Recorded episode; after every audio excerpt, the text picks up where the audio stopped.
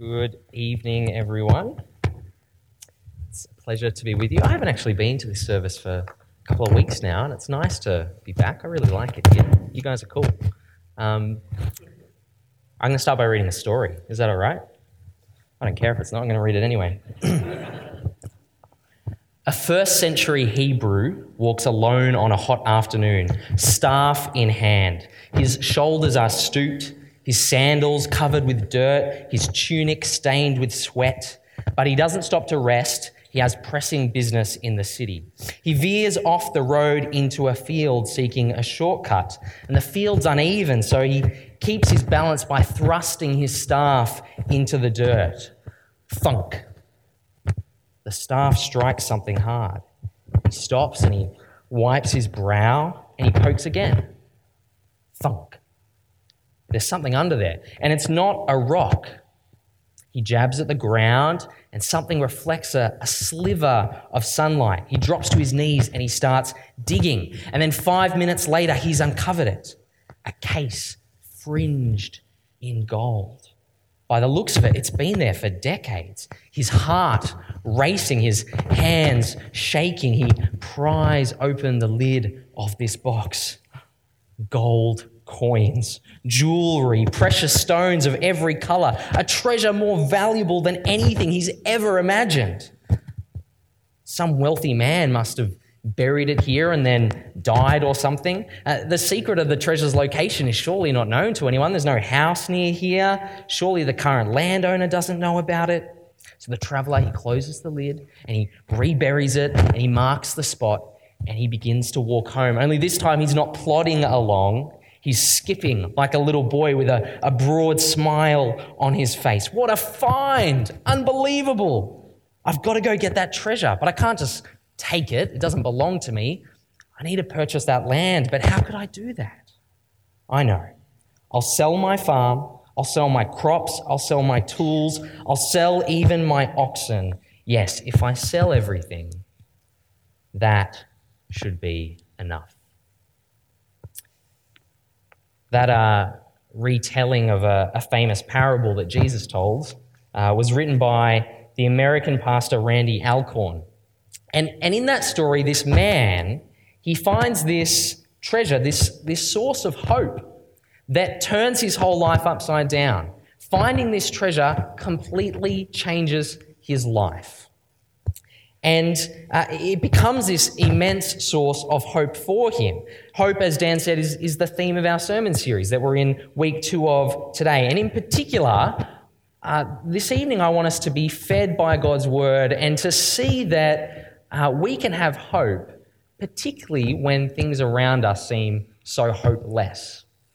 Why is it that so many of us, so often, are so discontent? Why is it that we struggle to produce hope in life? Why is hope this uphill battle for us so often? I think C.S. Lewis nailed it when he said this. He said, Most people, if they're really honest with themselves and they look into their own hearts, they would know that they long for something that cannot be had in this world. There are lots of things in the world that offer it, but they never keep their promise that longing in us when we first fall in love. That longing in us when we first think of a foreign country we would love to travel to. That longing in us when we take up some subject of study that really excites us.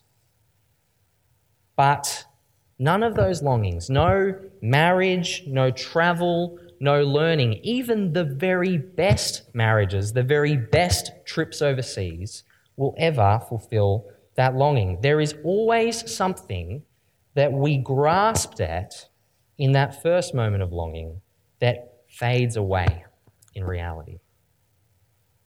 You see, people often put their hope in things that are traps, things that are in reality dead end hopes. And by the end of today, I want us to see from what Jesus teaches us that there is a way to avoid that. There is a way for us to avoid putting our hope in the wrong things a way to avoid putting our hope in dead end hopes.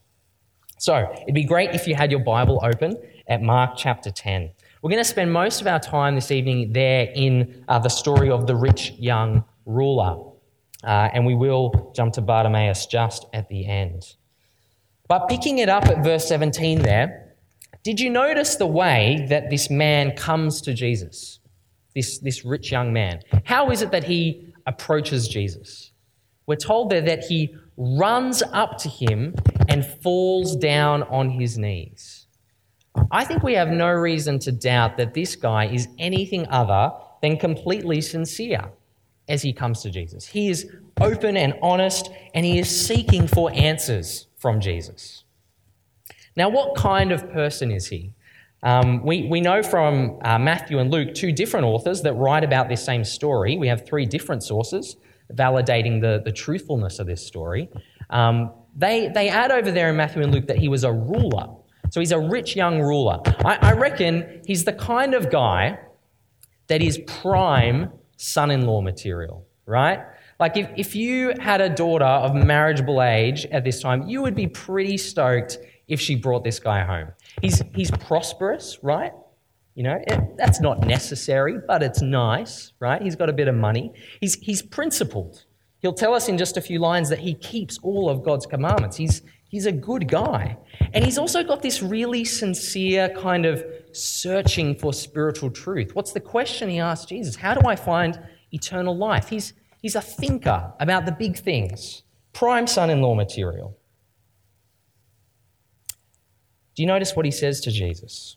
There in the second half of verse 17. How does he start? He says, Good teacher, what must I do to inherit eternal life?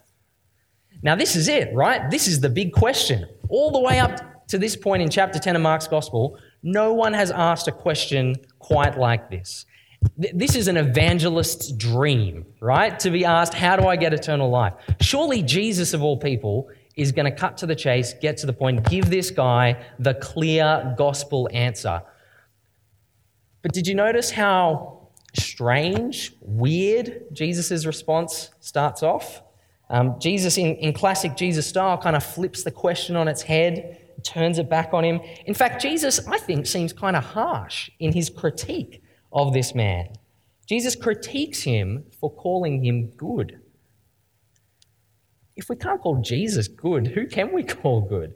What, why is Jesus so upset about the fact that he addresses him as, as good teacher? I mean, imagine if you were at a dinner party and someone introduced you to a Supreme Court judge and you said, My goodness, Your Honor, it's, it's such a pleasure to meet you.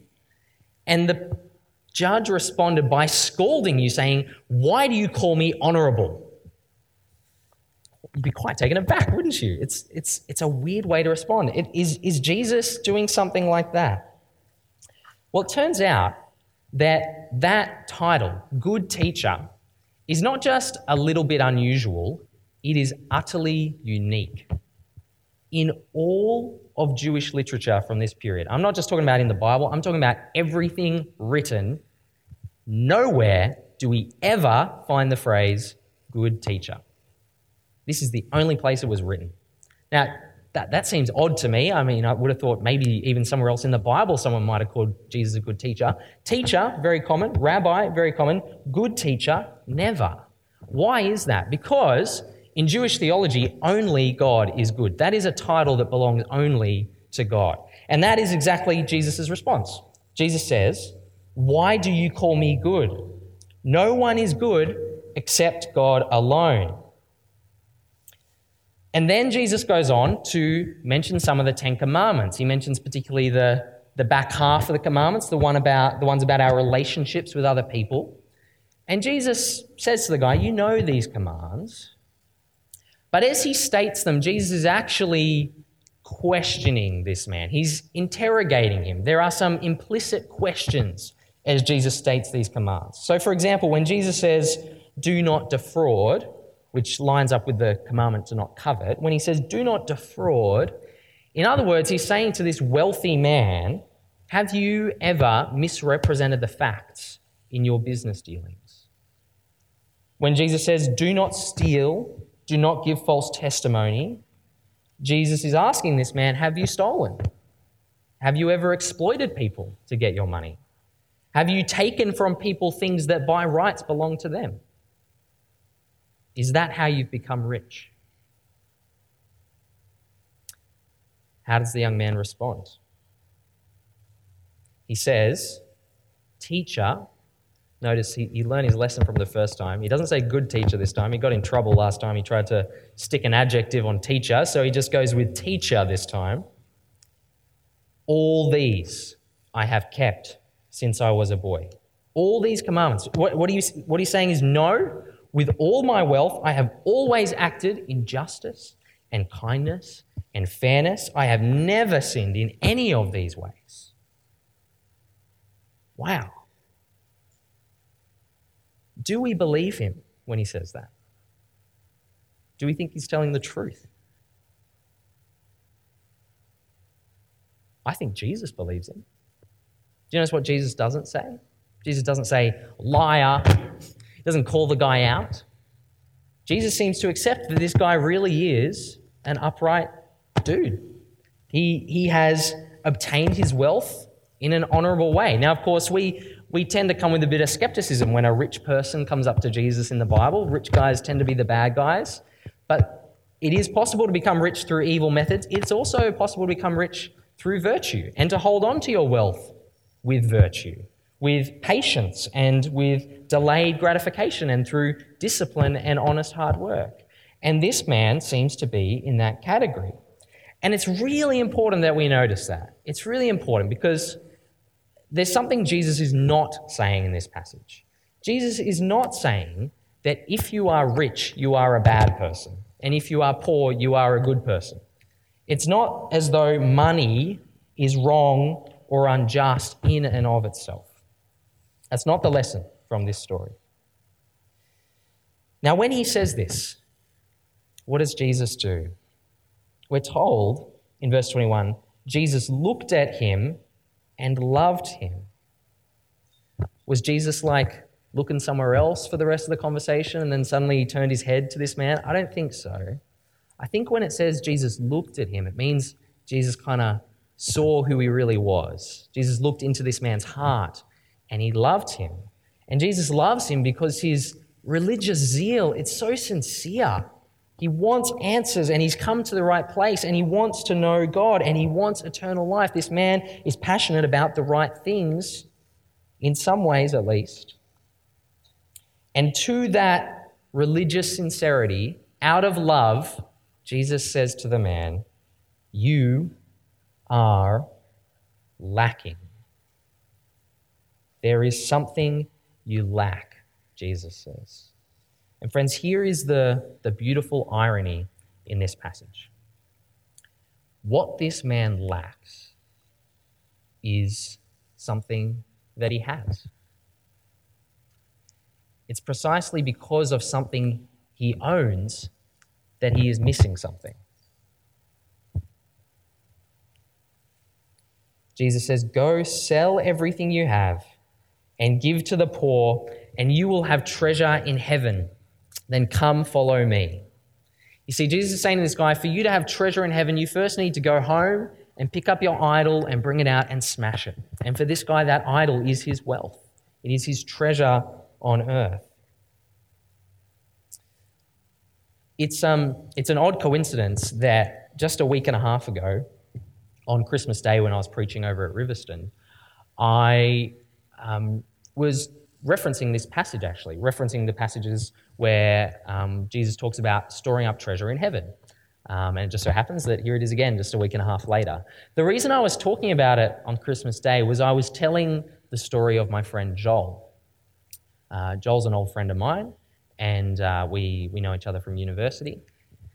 And back in uh, 2011 or 2013, around then, Joel wrote an article that was published in a fairly uh, major newspaper. And the first paragraph of the article was just five words My house just burned down. My house just burned down. You see, the home which Joel's family had built in the Blue Mountains uh, when uh, he was a child uh, had burned down in the Blue Mountains fires that happened that year. And Joel, in his article, reflects on his, his thoughts and his feelings three days after his home burnt down. Here's what he said He said, Over the past 72 hours, I've been forced to come to terms with the immensity of what it means to lose one's home. Standing in the smouldering rubble of violently twisted metal and blackened walls, which only the other day provided such unappreciated security, is a sobering reality check. My Canon camera is replaceable, as are my books and the laptops. But that house was full of stuff that I loved dearly. Childish attempts at art, irreplaceable photos of baby faced siblings, walls which my own hands helped build, gifts from friends and family who have since passed away. The list is endless. Yes, I have my memories, but memories are at best fleeting, and that is what brings a lump to the throat. I don't know about you, but I find Joel's description of, of the pain that he felt really moving. But what's surprising and I think shocking is actually where Joel goes next in the article. You see, just three days after his family home has burnt down, Joel says, and he makes a point of it in the article, that he has never felt as though Jesus has been more relevant in his life than it was right then, than he was right then. And I think most people reading that must just think that is such an insane and crazy thing to say, right? How can you possibly suggest that a 30 year old son of a carpenter who roamed around in the Middle East 2,000 years ago is somehow the most relevant thing in your life three days after your house burnt down? That, that's a little bit crazy, right? Well, here's how. Joel said, Here's how he found hope. Jesus gave us the loving command to store up treasures in heaven where moth and rust cannot destroy and where fire has no power. When our treasures are safely hidden away in eternity, then what grasp can the fleeting distractions of this world have on us? See, I, I've certainly found, and maybe you've found this too, Jesus' advice to store up treasure in heaven, it sounds so abstract, it sounds so intangible. Like, what does that even mean, storing up treasure in heaven?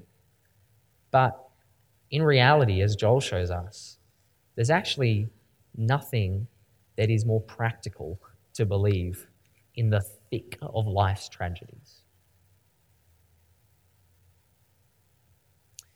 When Jesus said that to this man when he told him that he lacked something. The man's heart sank. We're not told his heart sank, we're told his face fell, but I think we see on his face what's going on inside, right? His heart sinks, and we're not told very much else about him, except for the fact that he did not follow Jesus. He went away sad because he was very wealthy. And then Jesus says something really awkward, something really controversial. You ever been in one of those moments, someone's public speaking, or maybe it's at the dinner table, somebody's talking, and this sentence spills out that just makes everyone feel awkward. Everyone in the room is feeling it. You're kind of looking at each other. Did she really just say that? All right, let's kind of move on from that topic now. Now, sometimes when that happens, the person who says the awkward thing will be aware of the awkwardness in the room and they will have the wherewithal to move on from that topic quickly and leave it in the past. Sometimes people will detect the awkwardness and will double down and will dig in their heels and say it again. And that is exactly Jesus' approach. He says how hard it is for the rich to enter the kingdom of God. The disciples are looking at each other oh gosh, did he really just say that? I really hope he's going to qualify that. He doesn't qualify it, he doesn't soften it. He, he says it again, and he says it even clearer and harder. He says, Children, how hard it is to enter the kingdom of God. It is easier for a camel to go through the eye of a needle than for a rich man to enter the kingdom of God. It's this wonderfully absurd picture, right? The idea of trying to squash a camel through the eye of a needle. How, how easy is it to put a camel through the eye of a needle? Answer impossible, right? It's impossible. It's not possible. And Jesus says that's how hard it is for a rich person to enter the kingdom of heaven, to inherit eternal life. It's reminiscent of what Jesus said back earlier in Mark's Gospel in chapter 4. The, he's telling a parable about sowing seed, about different soils. Some of the soil lands in good soil and it grows, but there, is, there are these thorns and these weeds that come and choke the growth. And Jesus says those weeds are the deceitfulness of wealth and the desires for other things. It's a bit like you can imagine one of your neighbors, for example, has this just pristine, lush, green garden, fruit trees, and all the rest. You know, everyone else's lawn is brown and dead. And they've just got this epic irrigation system that's keeping the whole thing alive. Imagine water restrictions don't exist, they're allowed to run it. But, um, you know, there's, there's kind of mango trees and there's fruit and stuff like that. Imagine going up to that irrigation system and just kinking right at the source of the water. In the next few days, the grass goes brown and the trees dry and the fruit dies.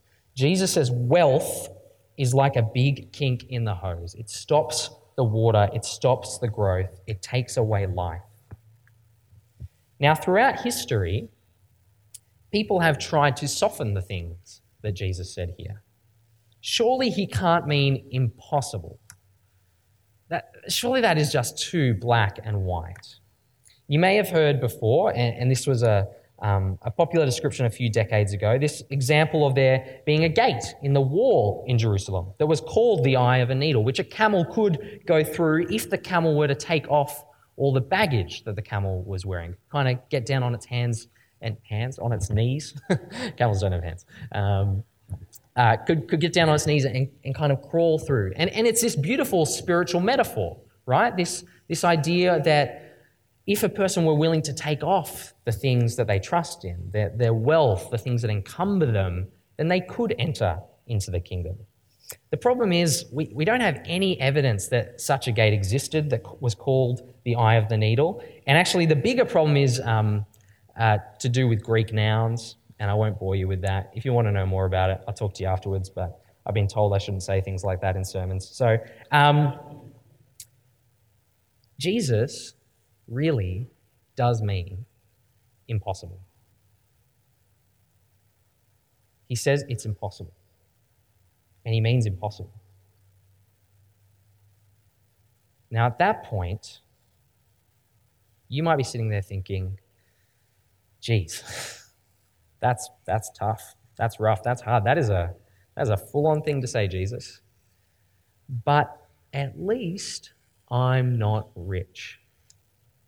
Was anyone thinking that? Don't put your hands up. Maybe you were thinking that. If that was a, a thought that crossed your mind, well, uh, I want to say, compared to the rest of our world, compared to the rest of history, particularly compared to the time when Jesus said these things, I think I can pretty safely say that the vast majority of people in this room would rightly fit the category of rich. We, we live in a rich country, in a rich place, and so many of us are richer than we often realize. Now, that'd be a sad place to end the sermon, wouldn't it? just told you Jesus said it's impossible to get into the kingdom if you're rich, and I just said you're probably rich. Let's pray. No, let's, let's not, because Jesus doesn't end there, does he? Here are the beautiful, hope filled words that unlock this puzzle. That question you have, how can this be possible? How can anyone be saved? is exactly what the disciples asked Jesus. They are amazed that he has said this. Jesus, what are you saying? You don't really mean that, do you? Yes, I do really mean it, Jesus says. But, verse 27, with man this is impossible, but not with God. All things are possible with God. Jesus says to all of us that there is a really big problem that has to be dealt with, and wealth has a, a distinctly strong power to blind us to our spiritual reality. In fact, it's so strong that it's impossible for our own hearts to, to push it out of the way and see the reality of our condition before God, such that it requires a miracle. It requires God's grace. It requires something outside of ourselves, something that is by nature impossible if we are to see the truth and enter the kingdom of God. But God is in the business of changing hearts just like that. He can take the heart that is absolutely enduringly has, has devoted its life to the pursuit of wealth, a passion for hard work, living the good life, wise saving, investment, whether through good or evil means. He can take that heart and he can make it so different that it's willing to sell the stuff it spent its whole life getting, give it to the poor, and start following Jesus. It is possible for a rich person to be saved but only because God does impossible things. Perhaps we could put it this way No rich person can enter the kingdom of God while they trust in their riches. Selina Hastings, the Countess of Huntingdon, she lived in the 1700s. Uh, she was a woman who was rich that was saved by God. And she very famously said that she was saved by the letter M. Saved by the letter M. What is this, Sesame Street? Saved by the letter M. What did she mean? Well, there's a verse in Paul's letter to the Corinthian church where he says this Not many of you were wise according to worldly standards. Not many were powerful. Not many were of noble birth. And Selina wrote this in a letter. She said, Blessed be God, it does not say any powerful, any noble. It says many powerful, many noble. I owe my salvation to the letter M. It's against the odds. It, it goes against the, the natural direction of things. It requires a miracle, but with God, it can happen. And so Jesus says to the man in this passage, Friend, you, you have put too much of your trust in your wealth and your accomplishments. And that is a trap. It is a dead end hope. It is actually pulling you away from God, not towards Him. Right now, God is your boss, he says to this man. You're doing everything He tells you to do, you're obeying His commands, but He's not your Savior. He hasn't changed your heart. And here's how you can tell if that's true he says to the man, I want you to imagine that it's all gone. All your investments, all your savings, the mansions, your servants. Imagine if it all disappeared and all you had was me. Could you live life like that?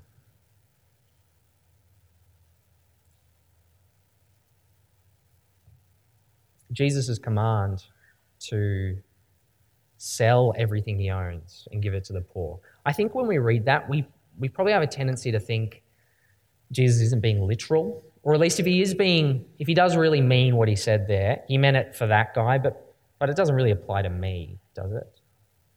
Jesus isn't literally telling me that I need to go sell my stuff and give it to the poor. Isn't he? Sure, this was a command to a particular guy at a particular time in a particular story, but Jesus, 10 times more than any other topic that he says can be a barrier between us and God, sex, relationships, whatever it is, 10 times more he talks about money and wealth. Jesus is very serious, friends, about the danger of wealth. Now, of course, elsewhere in the Bible, we read that it's right for Christians to care for their families. It's right for us to work hard. It's not wrong for us to earn an income. I'm not, I'm not suggesting this morning that if you have a savings account, you are sinning, or if you own a home, that that is inherently wrong. Jesus doesn't say that. But I also don't want to take away the sharp edge of what Jesus says here. Jesus says to this man, You need to take radical, drastic action because wealth is a dangerous trap. And maybe Jesus is saying to you this, uh, this evening that you need to take that kind of action. Maybe He is calling you to sell earthly treasures and give more to those that need it and have more treasure in heaven. How do you know if you're falling into this kind of trap? How do you know if you've got half a foot in this trap? Here are three signs. They're up there on the screen. Firstly, if you find it impossible, if you just find that you cannot give away large amounts of money, then perhaps you do have half a foot in this trap. If you find that the thought of having less than the standard of living that you've become accustomed to brings a great amount of anxiety, if you know having less bedrooms in your home or a, a smaller, cheaper car, if that is an anxiety ridden thought for you, then maybe you do have half a foot in this trap. If you see people are doing better than you, earning more than you, more well off than you, and you know you're working just as hard, you know your life circumstances just didn't set you up as well as it did for them, and that makes you bitter and angry, then, then I think you do need to be very careful, friends, because at that point, your, your wealth, it's become tied to your identity. It's become part of your essence and who you are. And that really is dangerous. No matter how much money you have, even though it's not intrinsically evil, it has incredible power to keep us from pursuing God. And so we end where Mark ends with this beautiful, amazing contrast. When, when you see it, it's just, it's so brilliant and clever. Blind Bartimaeus, who is the exact opposite of everything that this rich young ruler is. The man is rich, young, and a ruler. Bartimaeus is blind and poor. The ruler calls Jesus good teacher. What does Bartimaeus call him? Son of David. He knows that he's the Messiah, he knows that he's the Savior. He doesn't ask, What do I need to do to get eternal life? He says, Have mercy on me. He isn't given a chance to speak to Jesus one on one. He doesn't get a, a private Q&A with Jesus. He doesn't get to walk up to Jesus and speak to him. In fact, he tries to talk to Jesus, and everyone around him tells him to be quiet. They say, Bartimaeus, shut up, would you, man? This, don't you realize this is a very important visitor to our town, and you're kind of making things awkward? Just, just go away for a second, would you? But Jesus stops for him. And the Son of God, who just a little while earlier had, had spoken to a storm and told the wind to be quiet, and it was. The same Son of God, Jesus of Nazareth, who made that lake and the mountains that caused that wind, he heals Bartimaeus, and Bartimaeus can see. What power! What compassion! What a thing to put your hope in.